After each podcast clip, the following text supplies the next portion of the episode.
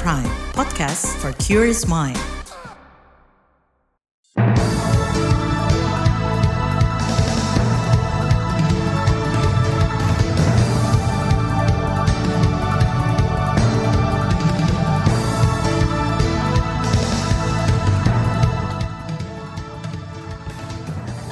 Selamat pagi, berjumpa kembali dalam Buletin Pagi Jumat 10 November 2023. Saya Naomi Liandra.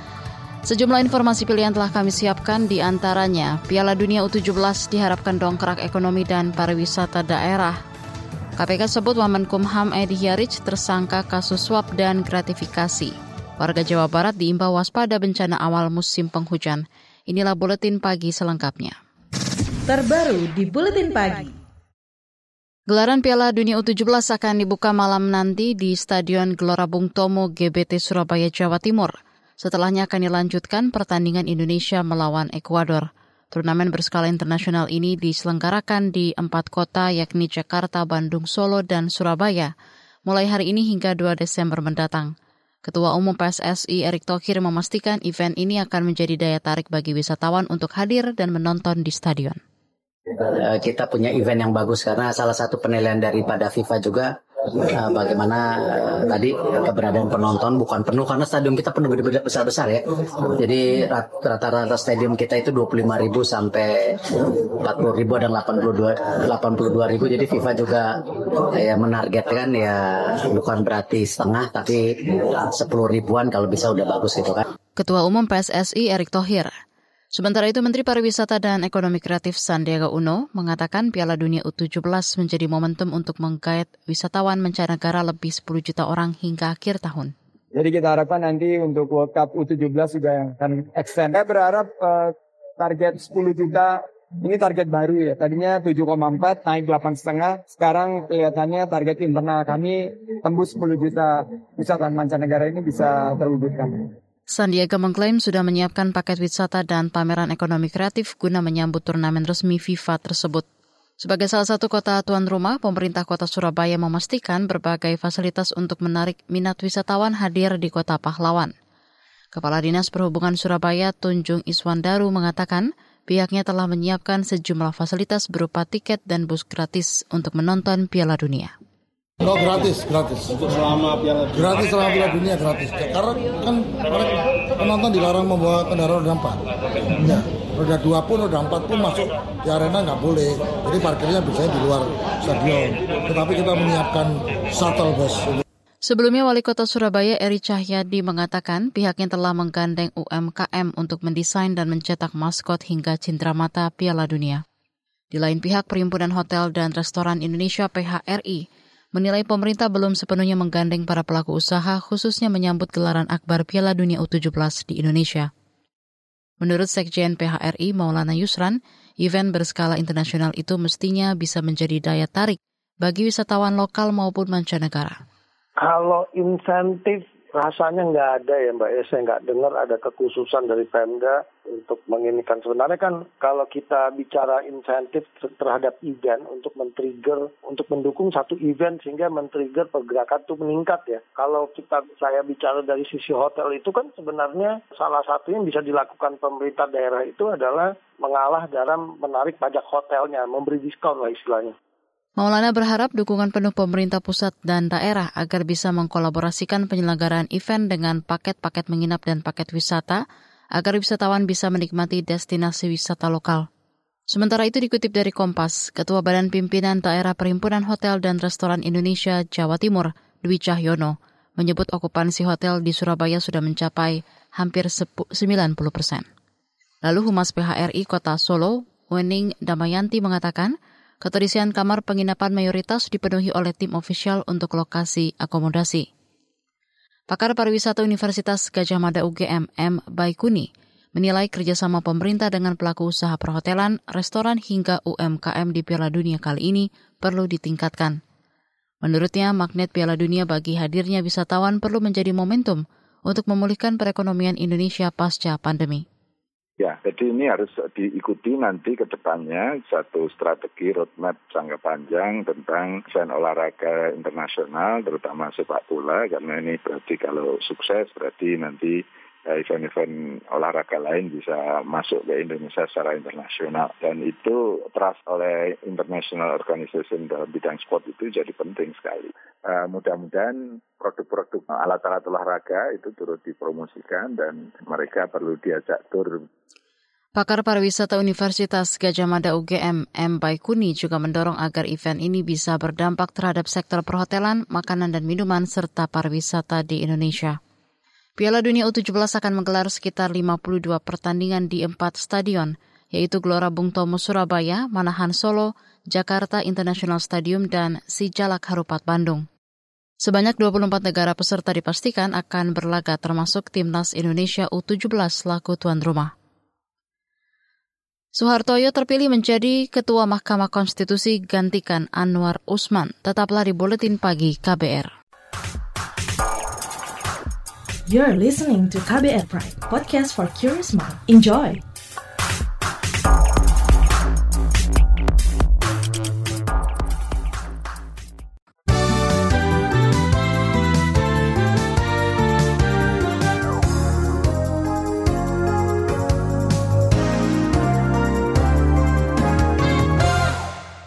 Anda sedang mendengarkan buletin pagi KBR. Presiden Joko Widodo mengakui hingga saat ini harga cabai masih tinggi di pasaran. Meski begitu, Jokowi menyebut harga komoditas lain masih dalam kondisi stabil. Itu disampaikan Presiden kemarin usai meninjau harga bahan pangan di Pasar Citeko, Kabupaten Purwakarta, Jawa Barat. Ya, yang beras kan memang sudah agak lama, yang beras. Kalau yang naik tinggi memang cabai, tapi ini kan selalu musiman cabai itu musiman kalau pas musimnya seperti ini cabai pasti tadi sudah mencapai memang 100 ribu tapi yang lain-lain saya lihat bawang merah, bawang putih, telur semuanya kondisi stabil. Pasti adalah begitu banyaknya komoditas kemudian ada satu dua yang naik.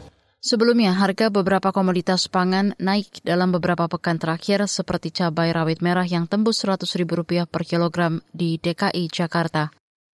Kita ke soal hukum. Wakil Ketua Komisi Pemberantasan Korupsi KPK, Alexander Marwata, menyebut Wakil Menteri Hukum dan HAM Edward Omar Sharif Hiarich atau Edi Hiarich sudah ditetapkan sebagai tersangka dugaan suap dan gratifikasi. Alex memastikan penetapan tersangka Wamenkumham sudah ditandatangani sejak dua pekan lalu. Kami tanda tangan sekitar dua minggu yang lalu Pak Sabia, ya sekitar dua minggu yang lalu dengan empat orang tersangka, ya dari pihak penerima tiga, pemberi satu. Itu tadi Wakil Ketua Komisi Pemberantasan Korupsi KPK, Alexander Marwata. Laporan kasus bermula dari laporan Ketua Indonesia Police Watch IPW Sugeng Teguh Santoso pada pertengahan Maret lalu. Edi dilaporkan ke KPK atas dugaan penerimaan gratifikasi sebesar 7 miliar rupiah. Direktur akun PT Huawei Tech Investment Mukti Ali difonis pidana 6 tahun penjara lantaran terbukti melakukan tindak pidana korupsi menara BTS 4G di Bakti Kominfo. Fonis disampaikan Ketua Majelis Hakim Denny Arsan Fatrika. Dua, menjatuhkan pidana kepada terdakwa Mukti Ali dengan pidana penjara selama 6 tahun dan denda sejumlah 500 juta rupiah dengan ketentuan apabila denda tersebut tidak dibayar maka diganti dengan pidana kurungan selama 4 bulan.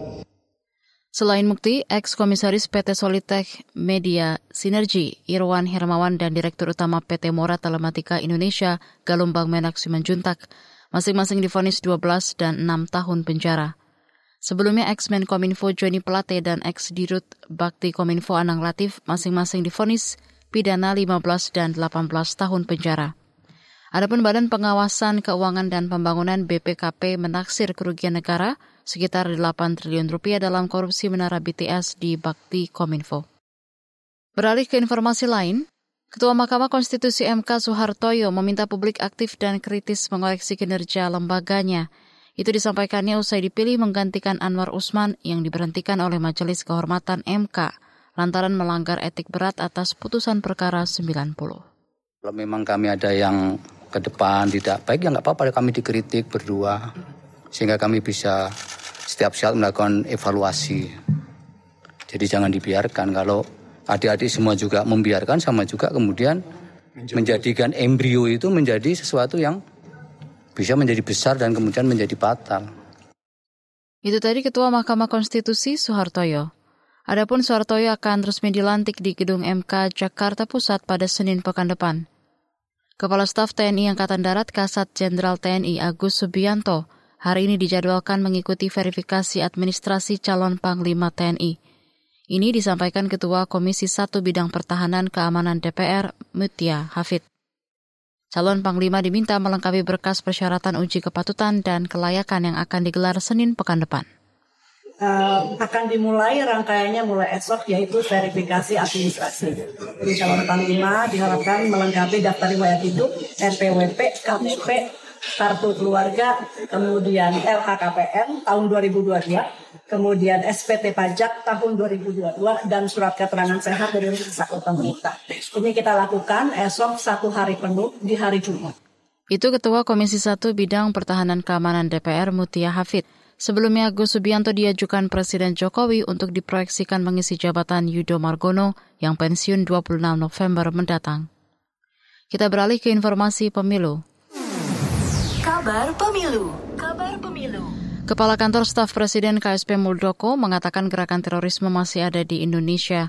Karena itu dia meminta seluruh pihak mewaspadai ancaman di tengah euforia pemilu 2024.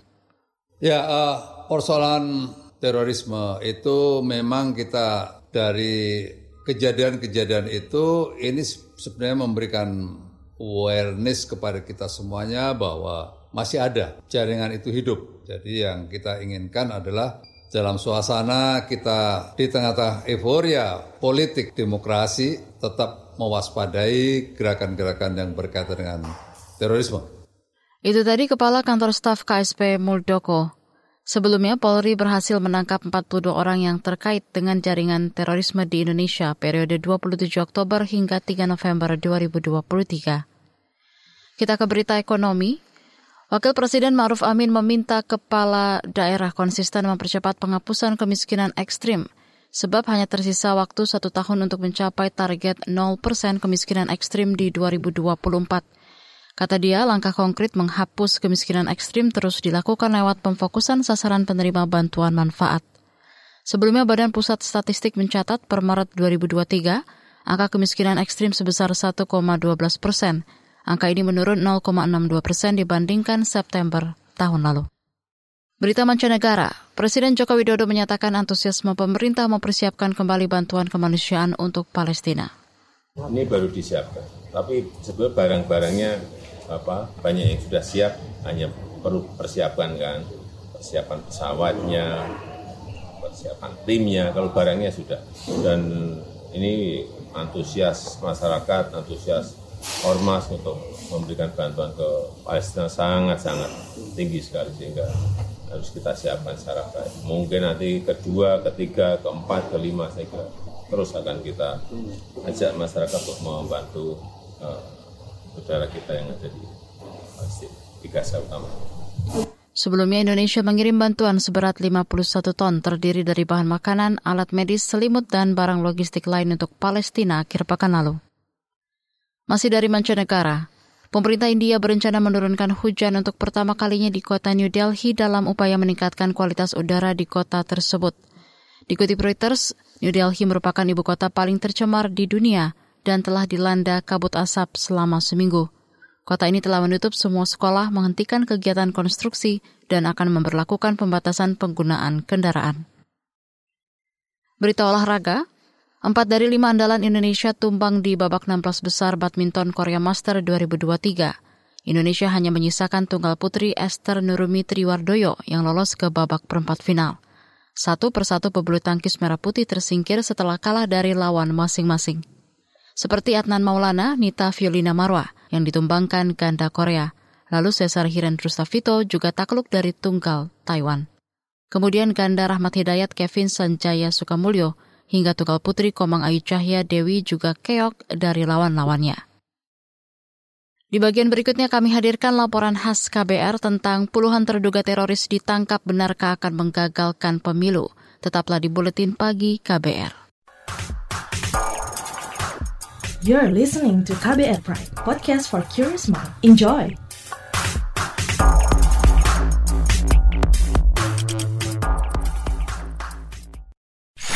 Commercial break. Commercial break. Nonton TV ah, kali-kali aja ada berita bagus. Iya apaan sih? Acaranya gosip, sinetron, itu terus. Matiin aja ah, bosen. Hah, mending baca koran.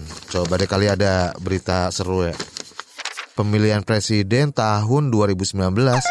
Dih, berita tahun kapan ini? Kirain koran baru. Eh, basi. Perhatian, perhatian.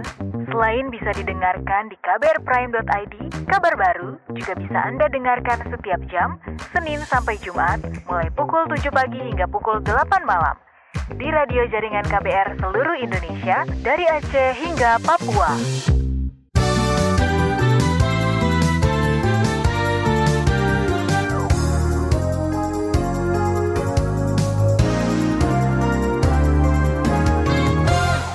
Anda masih bersama kami di Buletin Pagi KBR. Puluhan terduga teroris diduga akan merencanakan teror untuk menggagalkan pemilihan umum pemilu 2024. Dugaan itu diungkap Mabes Polri usai puluhan orang terduga teroris ditangkap polisi di sejumlah daerah beberapa waktu lalu. Benarkah mereka akan menggagalkan pemilu dan apa antisipasinya? Selengkapnya simak laporan khas KBR disusun Sindu Darmawan. Tren indikasi aktivitas yang mengarah ke tindakan terorisme diduga menguat belakangan ini. Hal itu disampaikan Kepala Kantor Staf Presiden KSP Muldoko merespons penangkapan puluhan terduga teroris oleh polisi belum lama ini. Ia mengimbau masyarakat tetap waspada pada ancaman terorisme yang berpotensi terjadi di pemilu 2024. Muldoko juga meminta seluruh pihak meningkatkan pengamanan dalam menghadapi ancaman. Ya, uh, persoalan terorisme itu memang kita dari kejadian-kejadian itu ini sebenarnya memberikan awareness kepada kita semuanya bahwa masih ada jaringan itu hidup. Jadi yang kita inginkan adalah dalam suasana kita di tengah-tengah euforia politik demokrasi tetap mewaspadai gerakan-gerakan yang berkaitan dengan terorisme.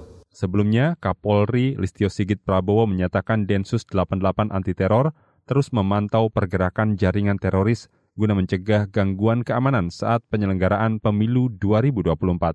Kata dia, sepanjang Oktober, Densus telah menangkap 59 tersangka terorisme yang berencana mengacaukan pemilu. Pada awal bulan ini, Detasemen Khusus 88 Anti Teror Polri menangkap terduga teroris yang diduga akan menggagalkan pemilu 2024. Mereka bagian dari 59 orang yang sudah ditangkap polisi. Menurut juru bicara Densus 88 Anti Teror Polri, Aswin Siregar, keduanya ditangkap di daerah Jawa Barat pada Rabu 1 November 2023. Mereka bagian dari kelompok Jemaah Ansarud Daulah JAD yang sudah tertangkap sebelumnya, selebihnya dari kelompok Jemaah Islamia atau JI. Jadi saya kira penambahan update dari kami terhadap tangkapan dua orang untuk hari ini. Jadi total semuanya dari kelompok ini sekarang adalah 42 orang gitu. Ya, kelompok AO ini menjadi 42 orang dan kita masih terus akan mengembangkan banyak eh, keterangan-keterangan lain yang dalam konteks penyidikan kita masih harus uh, kembangkan yang uh, akan kami update lagi dalam beberapa waktu. Juru bicara Densus 88 Anti Teror Polri Aswin Siregar mengeklaim Penangkapan ini menunjukkan upaya antisipasi dan mitigasi rencana aksi teror dapat berjalan baik. Para terduga pelaku ditangkap di lokasi berbeda sepanjang Oktober 2023, semisal di Nusa Tenggara Barat atau NTB. Merespons ancaman tersebut, Ketua Badan Pengawas Pemilu Bawaslu Rahmat Bagja berharap aparat keamanan bisa menjaga keamanan pemilu 2024 agar berjalan baik tanpa gangguan seperti aksi terorisme. Masih ada penguatan dengan adanya indikasi seperti ini ya, jika terbukti ada indikasi seperti itu.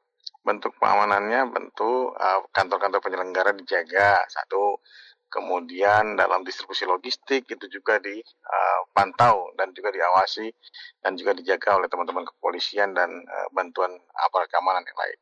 Kemudian tentu juga kita bersikap awas ya terhadap kondisi-kondisi yang ada. Hasil analisis pengamat terorisme, penangkapan 59 terduga teroris jadi salah satu indikator akan adanya rencana serangan kepada aparat serta fasilitas keamanan saat pemilu 2024. Menurut pengamat terorisme Al-Haidar, situasi ini harus bisa diatasi kepolisian dengan penguatan keamanan menjelang pemilu. Menurutnya, pelaku diduga akan menyerang keramaian di pemilu 2024 Namun kata dia, pada dasarnya pelaku teror melakukan aksi dengan dasar kebencian kepada demokrasi dan pemilu. Mereka tidak tahu di mana lokasi kantor KPU, setahu saya ya. Terus mereka juga tidak tidak paham bahwa penyelenggaranya itu adalah KPU. Mereka tidak tahu tentang Bawaslu juga tidak tahu. Atau kantor-kantor terkait itu nggak tahu mereka. Pada saat kampanye dan pada saat hari pemilihan. Kalau hari pemilihan kan tahu semua. Yang mereka tahu pokoknya ada pemilihan di mana ada orang rame-rame berkumpul di lapangan begitu. Ada pencoblosan, ah, mereka akan datang bawa bom begitu. Al Haidar menambahkan terdapat sejumlah kota yang patut diwaspadai antara lain Surabaya, Jakarta, Bekasi, Bandung, Makassar, Padang, dan Lampung. Informasi itu dia dapati dari grup-grup sosial media berisikan para terduga teroris. Meski begitu, kata Haidar, terduga pelaku tidak memiliki pengetahuan yang cukup mengenai kepemiluan utamanya tentang letak kantor Bawaslu dan KPU. Namun, mereka diduga akan menyasar lokasi-lokasi ramai pada hari H pemilu 2024 seperti tempat pemungutan suara atau TPS. Demikian laporan khas KBR yang disusun dan dibacakan Sindu Darmawan. Informasi dari berbagai daerah akan hadir usai jeda. Tetaplah bersama Buletin Pagi KBR. You're listening to KBR Pride, podcast for curious mind. Enjoy!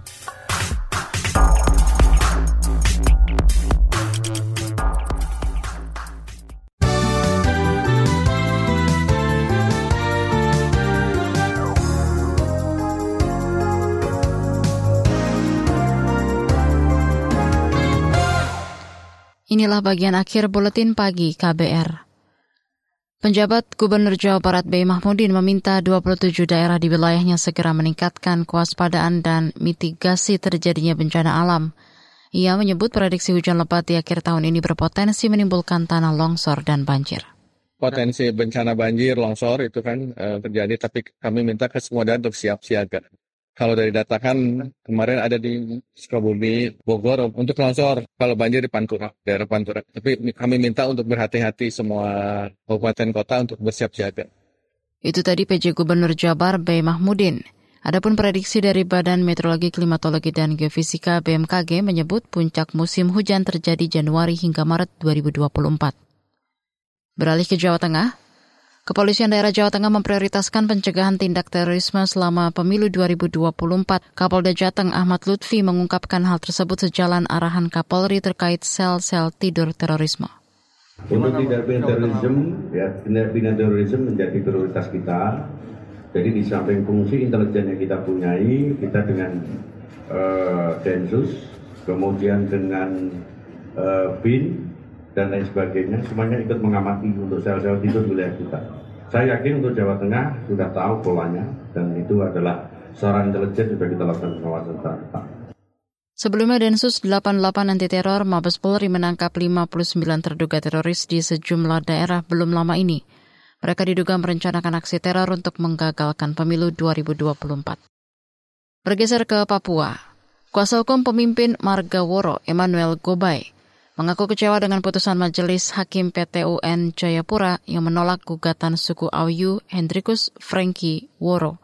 Gugatan itu terkait pencabutan izin perkebunan kelapa sawit di hutan adat mereka seluas 39 ribu hektar sebagai kuasa hukum merasa kesal ya atas putusan ini karena kemudian akan berdampak buruk bagi generasi berikutnya dari Margaworo ini karena lumbung hidup mereka bergantung pada wilayah seluas 2000 hektar yang masuk dalam surat keputusan kelayakan lingkungan itu. Itu tadi kuasa hukum pemimpin warga Margaworo Emmanuel Gobay. Franky Woro ialah pimpinan Marga Woro yang memperjuangkan tanah dan hutan adat Marga Woro dari investasi kelapa sawit berdasarkan penerbitan surat kelapa dinas setempat Papua tahun 2021. Informasi tadi menutup jumpa kita di Buletin Pagi hari ini. Informasi terbaru bisa Anda simak melalui kabar baru, situs kbr.id, Twitter at berita KBR, dan juga podcast di kbrprime.id. Saya Naomi Liandra, bersama tim yang bertugas undur diri. Salam.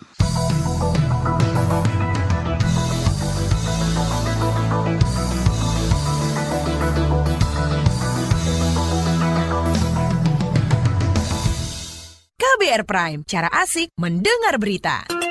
KBR Prime, podcast for curious mind.